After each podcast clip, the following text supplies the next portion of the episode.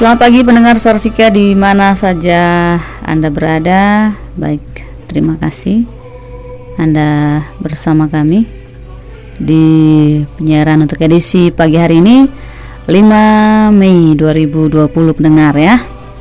Saya Astin masih menemani Anda semua di program acara pagi hari ini dan adik-adik eh, yang ada di rumah eh, pastinya tetap semangat juga ya untuk mengikuti kegiatan belajar melalui Radio Sorsika. Di sini sudah hadir uh, Ibu Konso dari SDI Momere dan juga uh, Ibu Deti dari SDI Kotauneng, Ibu Konso dari Oke deh, saya salah ya. Baik, ada Ibu Konso dan juga da, dan juga Ibu Deti ya. Pagi hari ini akan membimbing uh, adik-adik semua dan uh, siapkan dulu ya alat tulisnya masing-masing.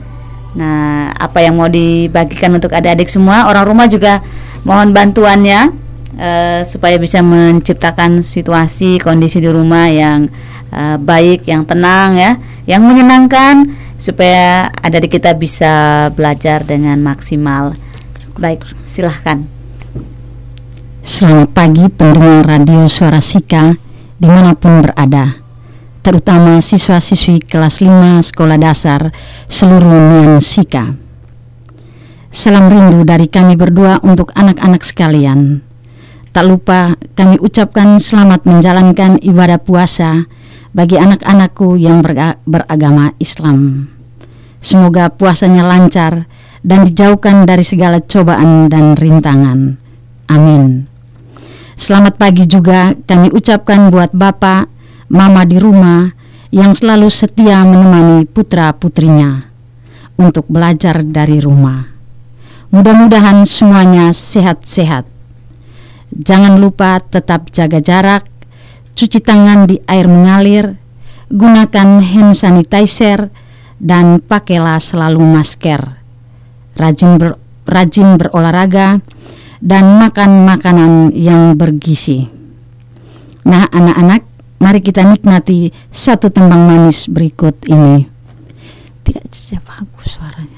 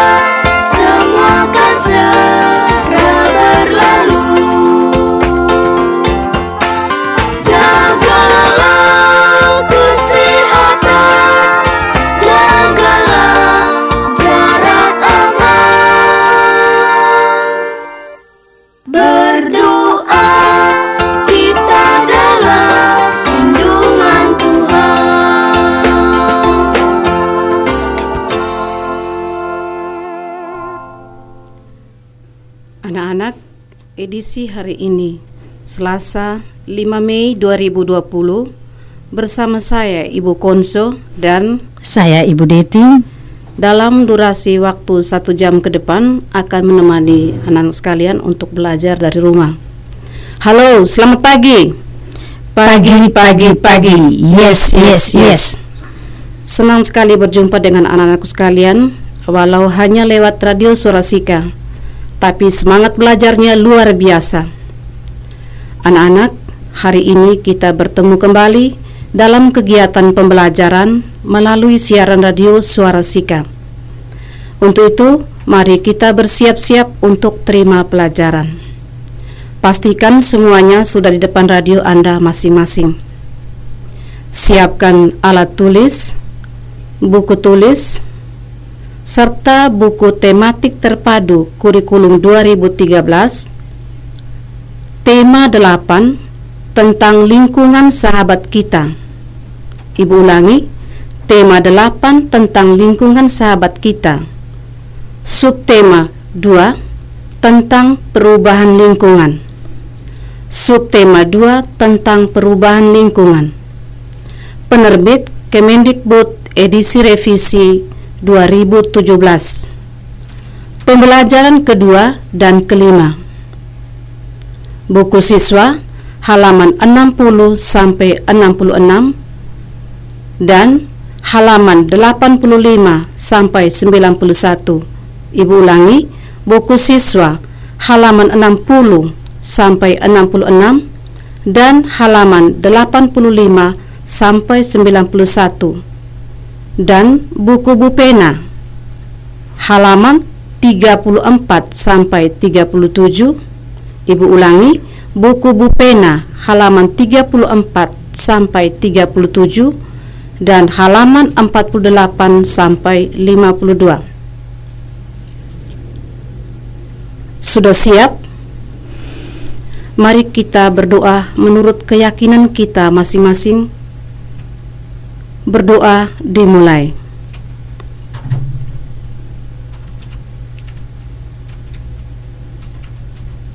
Berdoa selesai. Anak-anak, sebuah nomor manis akan mengawali pembelajaran kita hari ini. Mari kita nyanyikan bersama.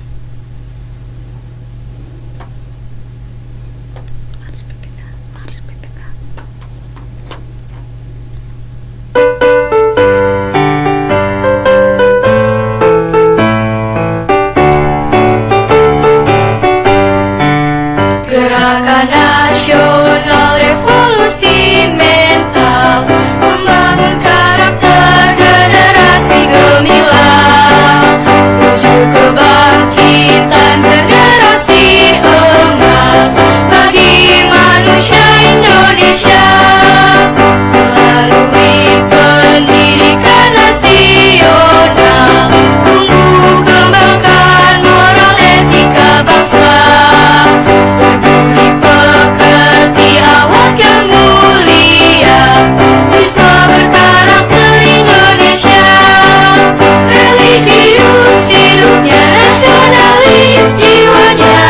y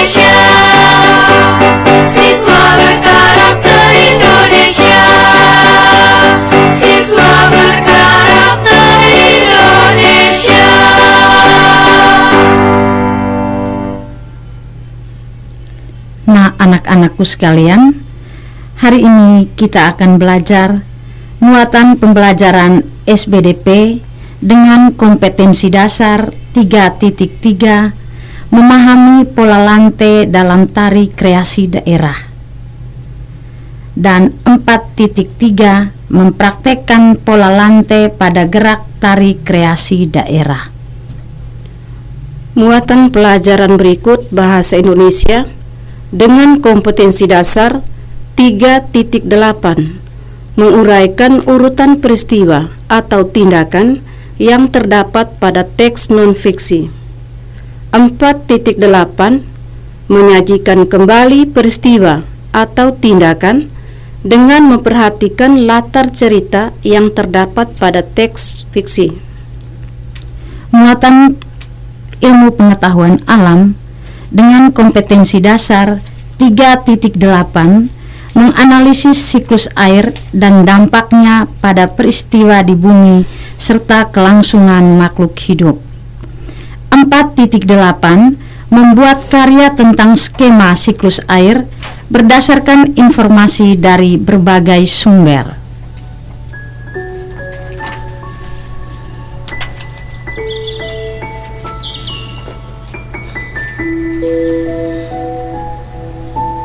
Nah,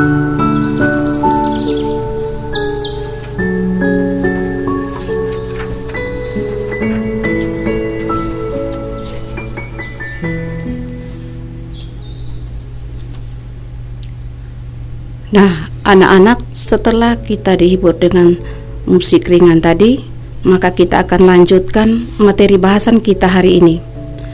Adapun materi pembelajaran hari ini, yang pertama, pola lantai gerak tari.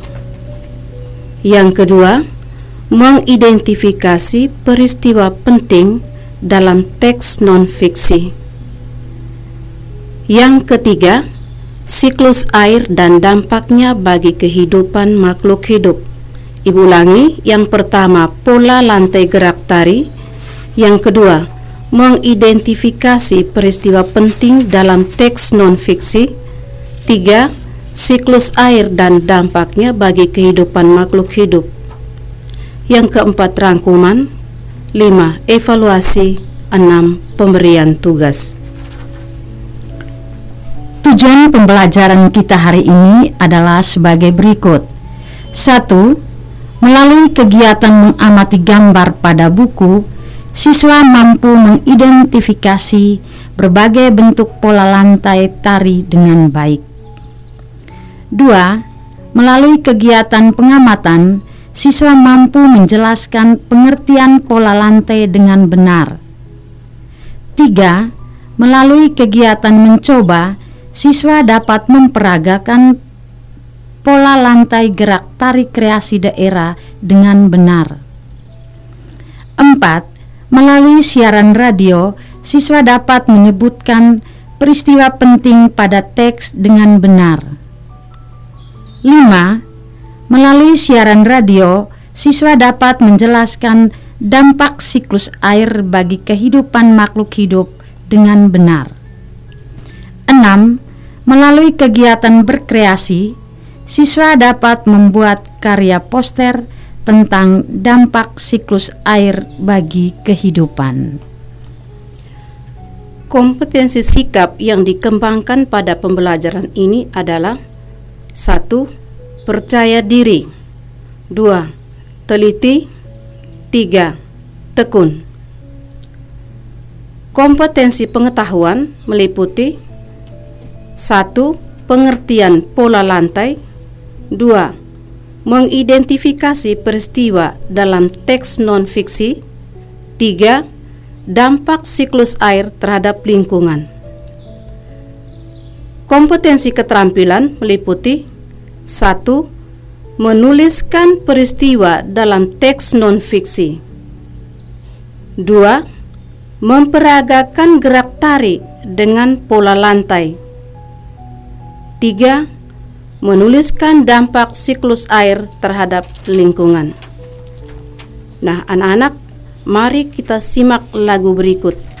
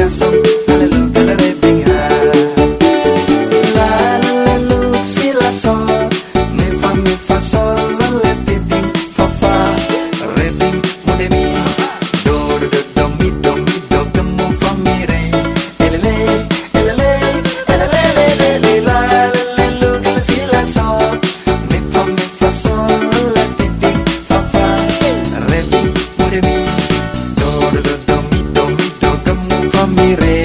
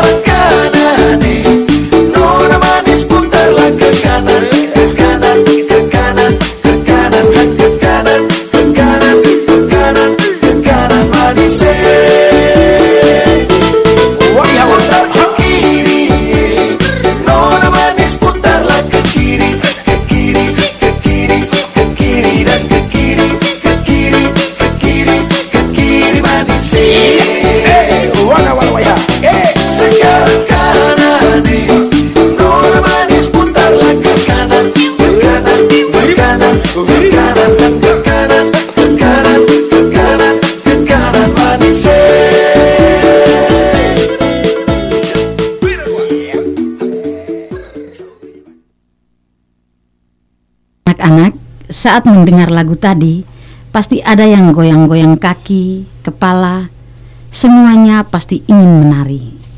Nah, anak-anak, kali ini kita akan membahas tentang pola lantai gerak tari.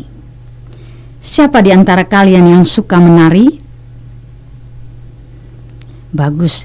Anak-anak, saat menari, penari kadang bergerak ke kiri, ke kanan, maju mundur, atau bergerak membentuk lingkaran. Jika digambarkan, seolah-olah ada satu garis imajiner yang dilalui penari saat menyajikan satu tarian. Garis imajiner juga dapat digambarkan dengan melihat formasi para penari dalam memperagakan tarian. Para penari dapat membentuk formasi garis lurus, lengkung, segitiga, atau lingkaran. Bentuknya bisa berubah-ubah selama penari menampilkan sebuah tarian. Garis imajiner yang dilalui oleh para penari saat melakukan gerak tari disebut pola lantai. Ibu ulangi, garis imajiner yang dilalui oleh para penari saat melakukan gerak tari disebut pola lantai.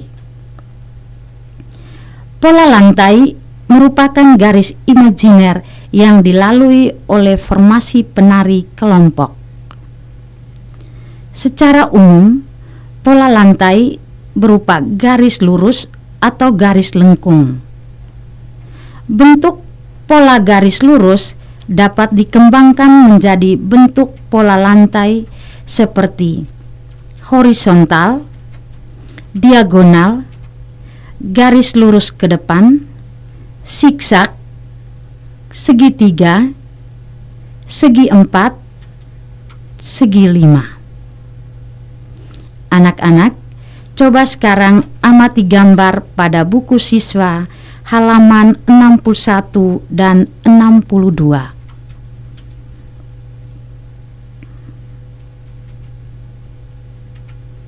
Ibu ulangi, buka buku siswa halaman 61 dan 62. Perhatikan dengan baik bentuk-bentuk pola lantai tersebut.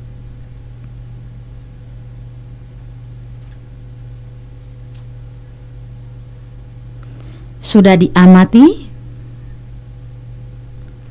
Baiklah. Coba sekarang siapa yang bisa menyebutkan bentuk pola lantai pada gambar-gambar tersebut? Anak-anak, bentuk pola lantai ada beberapa di antaranya. Satu, pola lantai diagonal. Dua, pola lantai segi lima. Tiga, pola lantai garis lurus ke depan. Empat, pola lantai siksak. Lima, pola lantai lingkaran. Dan yang keenam, pola lantai horizontal. Ibu ulangi beberapa pola lantai. Satu, pola lantai diagonal. Dua, pola lantai segi lima. Tiga, pola lantai garis lurus ke depan. Empat, pola lantai siksak. Lima, pola lantai lingkaran. Dan yang keenam, pola lantai horizontal. Seni tari yang berkembang di Indonesia begitu banyak dan beragam. Tarian daerah menggambarkan tradisi dan tata cara kehidupan penduduk di suatu daerah. Tarian daerah biasanya menjadi ciri khas pertunjukan pada upacara adat atau peristiwa penting dan juga memiliki makna dan fungsi. Contoh, tarian saman. Coba siapa yang tahu tarian saman berasal dari daerah mana? Pintar anak-anak, tarian saman berasal dari Aceh. Tarian ini mencerminkan kekompakan, keragaman, dan sopan santun. Tarian Jatakapa dari Kabupaten Sika mengisahkan tentang proses pemintalan kapas menjadi benang dan kemudian diproses menjadi sarung. Tarian ini menggambarkan betapa ulet, tekun, dan telatennya ibu-ibu dalam memintal kapas menjadi benang. Tarian ini termasuk tarian tradisional yang memiliki makna dan pesan bahwa sebagai generasi muda Indonesia, kita patut melestarikan kesenian daerah agar tidak punah. Adapun beberapa contoh tarian daerah, antara lain tari piring berasal dari Sumatera Utara, tari serimpit berasal dari Jawa Tengah, tari pendet berasal dari Bali, tari caci. Coba siapa yang tahu tari caci berasal dari mana? Tari caci berasal dari Ruteng. Tari likurai dari Belu. Tari tua retalou. Siapa yang bisa tahu menebak tari tua retalou berasal dari mana? Tari tua retalou berasal dari Kabupaten Sika. Masih banyak tarian daerah di mana hampir semua suku daerah di Indonesia memiliki tarian daerah. Nah, anak-anak, sekarang Ibu undang untuk semua berdiri. Ibu ajak juga Bapak, Mama, kakak adik yang sama-sama mendengarkan siaran ini. Bantu anak-anak kita untuk menari hegong dengan membentuk pola lantai. Ibu akan memandu anak-anak dari studio dengan iringan musik gong waning. Mari kita semua berdiri berjejer ya. Sudah siap? Ya, musik.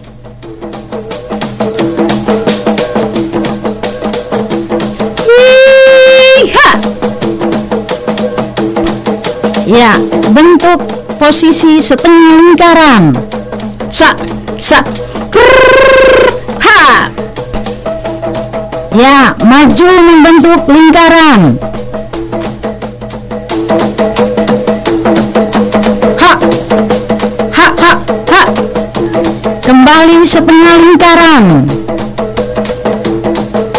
Krrrr, ha! Mantap, kembali sejajar.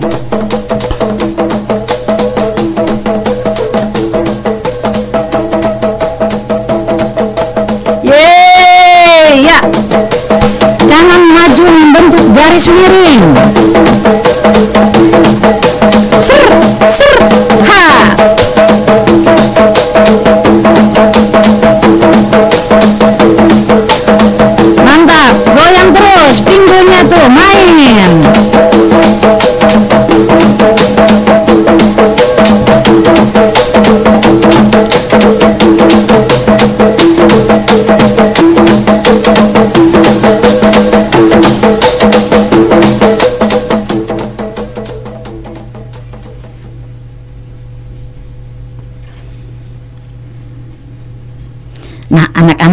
Kasih. Kembali silakan duduk. Setelah menari tadi, pasti kalian semua sudah tahu pola lantai apa yang Anda tarikan tadi. Coba siapa tahu? Pola tarian tadi, hegong tadi bisa membentuk pola lantai horizontal, melengkung, lingkaran, dan diagonal. Anak-anak sudah paham? Supaya kita lebih paham, kita harus banyak membaca. Hmm. Apakah anak-anak sering membaca? Kalau begitu, buku apa saja yang biasa dibaca? Ya bagus, buku pelajaran, surat kabar, majalah, buku cerita anak, dan masih banyak bacaan lain. Nah, anak-anak, sekarang coba dengarkan ibu baca teks bacaan berikut. Tetapi sebelumnya, tolong dibuka buku siswa Kemendiknas halaman 64. Ibu ulangi, buka buku siswa Kemendiknas halaman 64. Judul bacaan Siklus Air dan Bencana Kekeringan. Ibu Pandu dari studio, anak-anak baca dalam hati, simak bacaan tersebut dengan baik, paragraf demi paragraf. Sudah siap? Sekarang ibu baca ya. Siklus air dan bencana kekeringan. Peristiwa siklus air merupakan peristiwa sehari-hari yang sering tidak disadari oleh manusia. Siklus air menghasilkan air bersih yang berguna untuk kehidupan manusia. Manusia memerlukan air bersih antara lain untuk keperluan rumah tangga, keperluan industri, dan juga pertanian. Siklus air menghasilkan air bersih. Pada saat proses penguapan, kotoran pada air tidak ikut menguap. Uap air yang menguap adalah uap air yang bersih. Pada saat turun air hujan, air yang dihasilkan pun adalah air bersih dan siap digunakan untuk berbagai keperluan.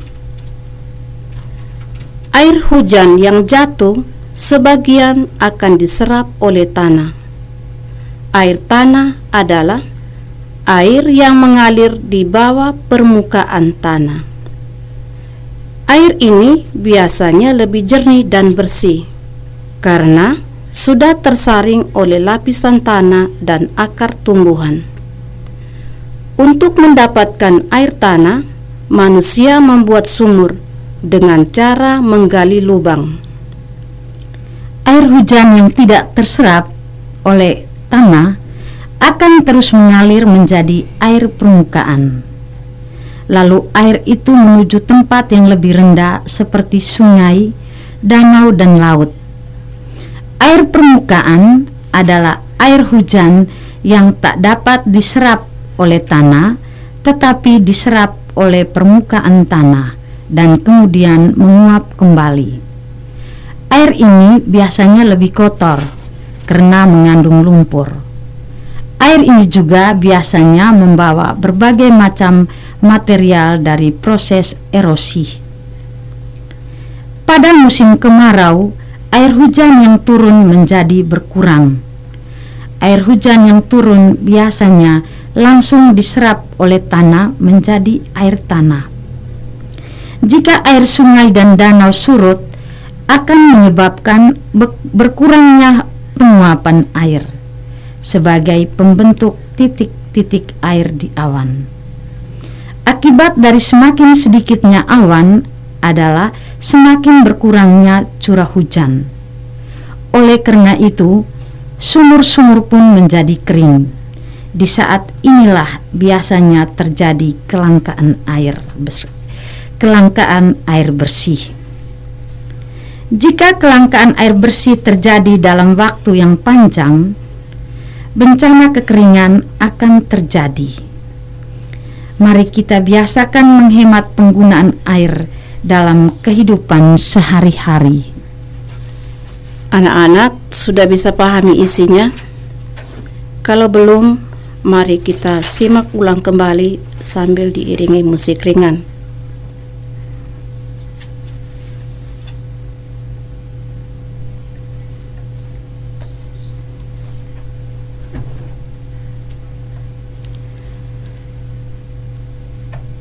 Nah, anak-anak sudah bisa kita lanjutkan? Oke, setelah kalian paham isi dari bacaan tadi, kita mencoba untuk mengidentifikasi peristiwa penting yang terdapat dalam bacaan tadi. Coba siapa yang masih ingat pembelajaran kemarin-kemarin bagaimana caranya kita mengidentifikasi peristiwa penting dalam sebuah bacaan? Coba siapa yang bisa? Anak-anak, untuk dapat mengidentifikasi peristiwa penting dalam sebuah bacaan, maka kita perlu mengetahui langkah-langkah dalam mengidentifikasi sebuah bacaan. Langkah-langkah dalam mengidentifikasi peristiwa penting dalam bacaan itu pertama dengan mencatat. Mengapa kita perlu mencatat? Karena dengan mencatat kita bisa mengingat mengingat peristiwa penting dari suatu teks. Yang kedua, menjawab pertanyaan yang berkaitan dengan teks yang kita baca. Untuk menjawab pertanyaan tersebut, kita harus menggunakan kata-kata tanya, seperti kata apa, di mana, kapan, siapa, mengapa, bagaimana, berapa. Ibu ulangi kata-kata tanya yang kita biasa gunakan untuk menjawab pertanyaan. Yang pertama, apa? Kemudian, di mana? Kapan? Siapa? Mengapa? Bagaimana? Berapa? Anak-anak, kata tanya apa? Kata tanya apa menanyakan tentang keadaan, perilaku, atau penjelasan isi teks. Kata tanya di mana? Kata tanya di mana menanyakan tentang suatu peristiwa, lokasi yang dituju, serta tempat yang digunakan dalam teks. Kata tanya kapan? Kata tanya kapan menanyakan waktu kejadian suatu keadaan atau kejadian. Kata tanya siapa? Kata tanya siapa menanyakan pelaku yang terkait dengan peristiwa atau kejadian dalam teks. Kata tanya mengapa? Kata tanya mengapa menanyakan alasan atau sebab peristiwa terjadi dalam teks. Kata tanya bagaimana? Kata tanya bagaimana menanyakan cara atau proses sebuah peristiwa berlangsung. Kata tanya berapa? Kata tanya berapa menanyakan banyak, jumlah, atau satuan dan berupa angka. Nah, anak-anak, sebelum kita berdialog tentang isi bacaan tadi, baiklah satu nomor manis akan menghibur kita semua.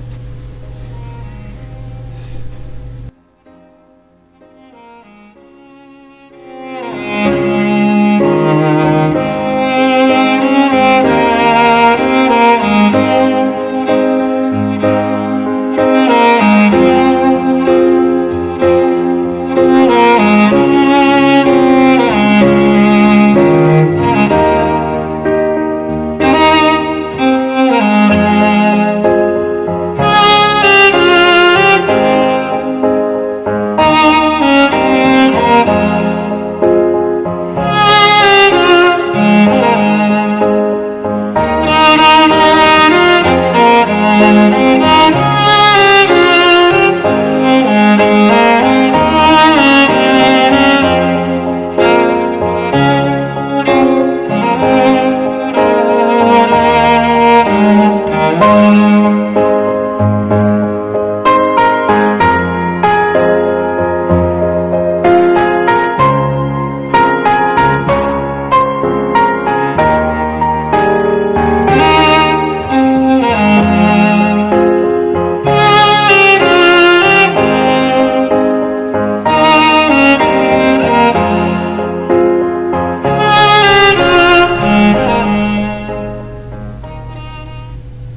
Baiklah anak-anak, setelah kita menyimak bacaan serta penjelasan bagaimana caranya kita mengidentifikasi peristiwa penting dalam bacaan tadi, maka sekarang ikutilah dialog dari saya Ibu Konso dan Saya Ibu Deti.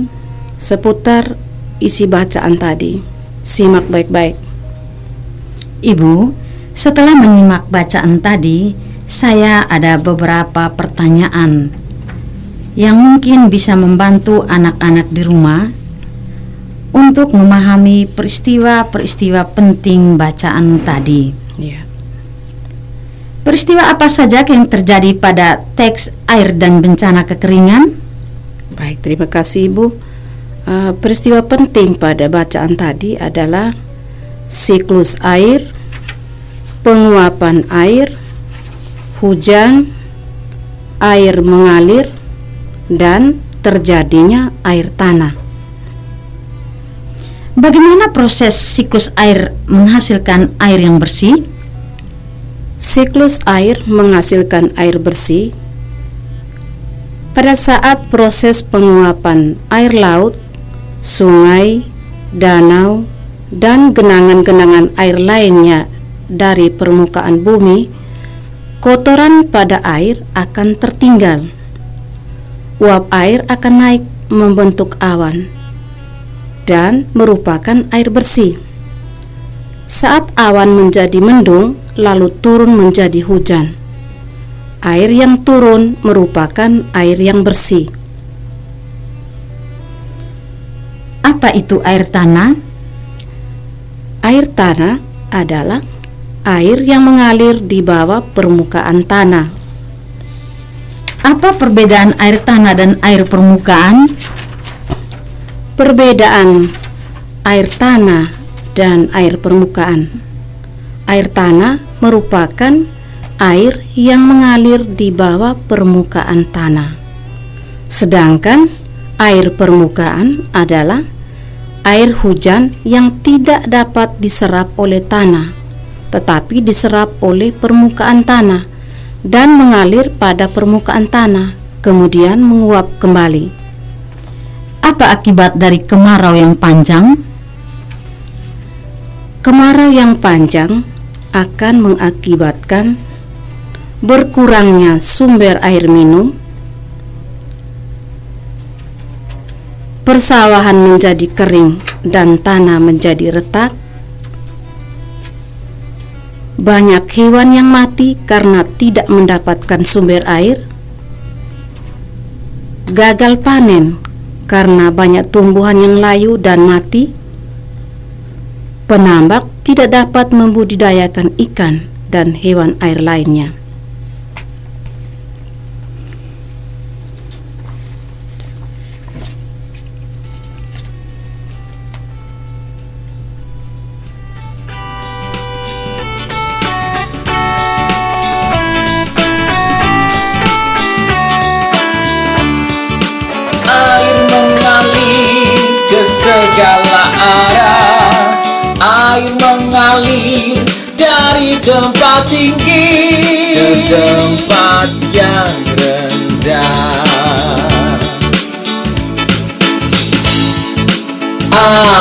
Mengalir di sungai. Tiada pernah berhenti Karena tiada sampah yang menghalangi.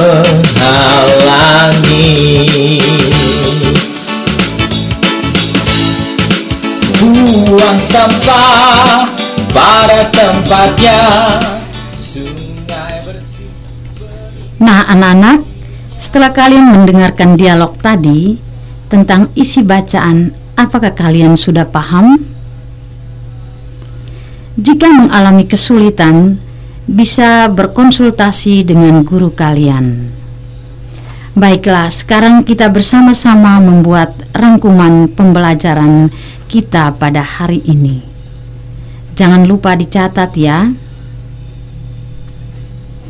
Sudah siap?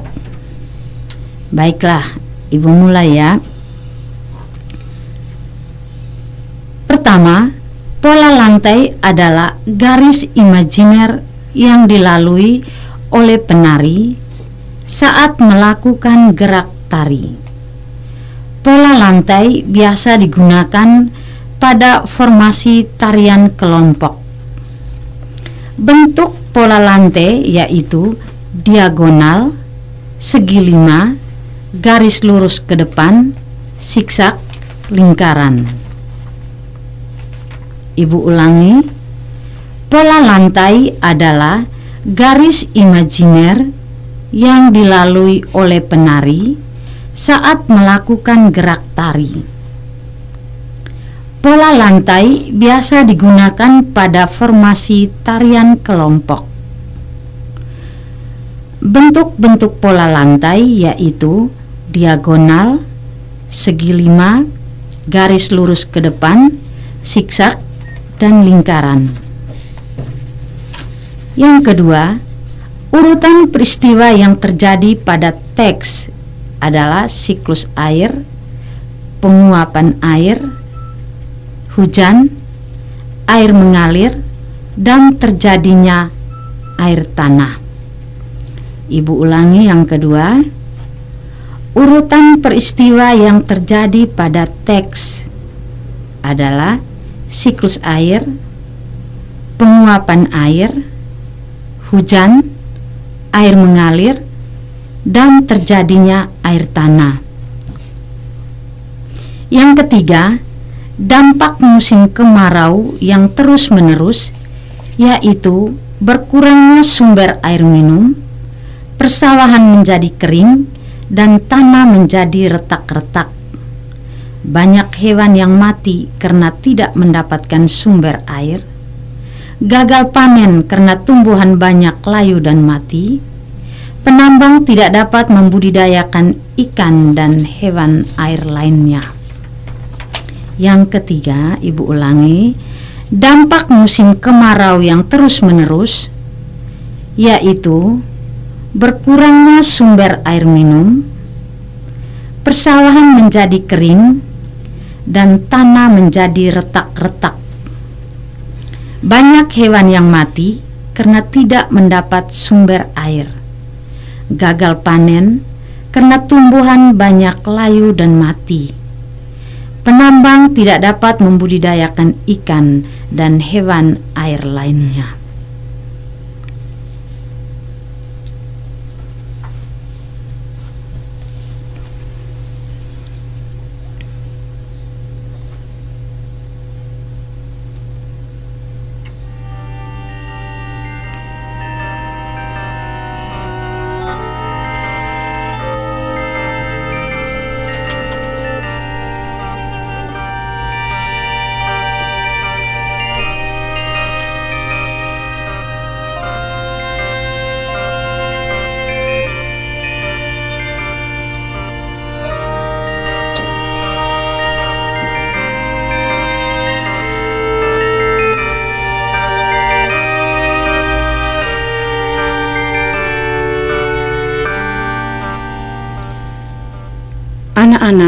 Bagaimana pembelajaran kita hari ini? Apakah masih setia di depan radionya masing-masing? Sebelum kita akhiri pembelajaran hari ini, Ibu akan memberi tugas untuk dikerjakan dan kumpulkan ke guru kalian untuk dinilai. Sudah siap semua dengan alat-alat tulisnya? Baik, tugas yang pertama Tulislah bentuk-bentuk pola lantai. Ibu ulangi, tulislah bentuk-bentuk pola lantai.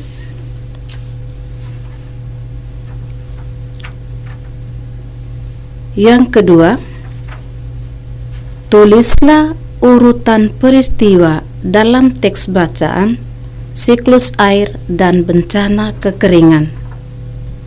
Ibu ulangi, Nomor yang kedua, tulislah urutan peristiwa dalam teks bacaan, siklus air dan bencana kekeringan.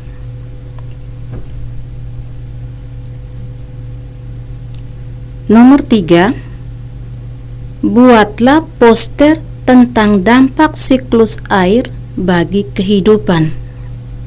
Ibu ulangi. Nomor tiga, buatlah poster tentang dampak siklus air bagi kehidupan. Nomor yang keempat, tulislah dampak musim kemarau yang berkepanjangan bagi makhluk hidup. 4. Tulislah dampak musim kemarau yang berkepanjangan bagi makhluk hidup.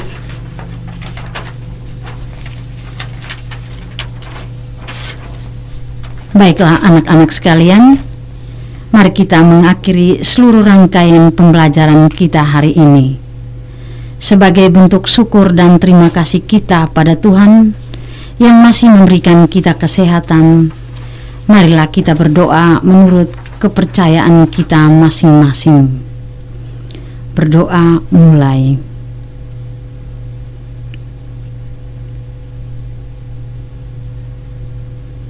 Selesai.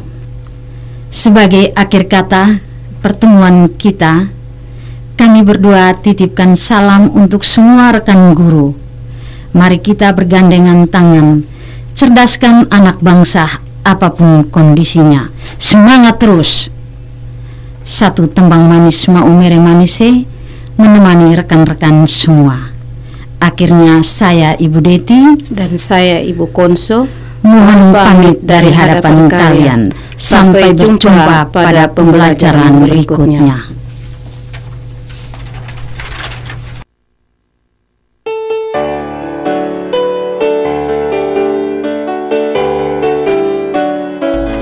Ya, adik-adik semua, teman-teman semua, eh, demikian tadi ya bimbingan dari Ibu Konso dan juga Ibu Deti semangat sekali membawakannya. Mudah-mudahan adik-adik juga tetap semangat ya hari ini dan juga hari-hari selanjutnya. Saya Astin, selamat pagi Panggawan, sampai jumpa. Tuhan Yesus memberkati.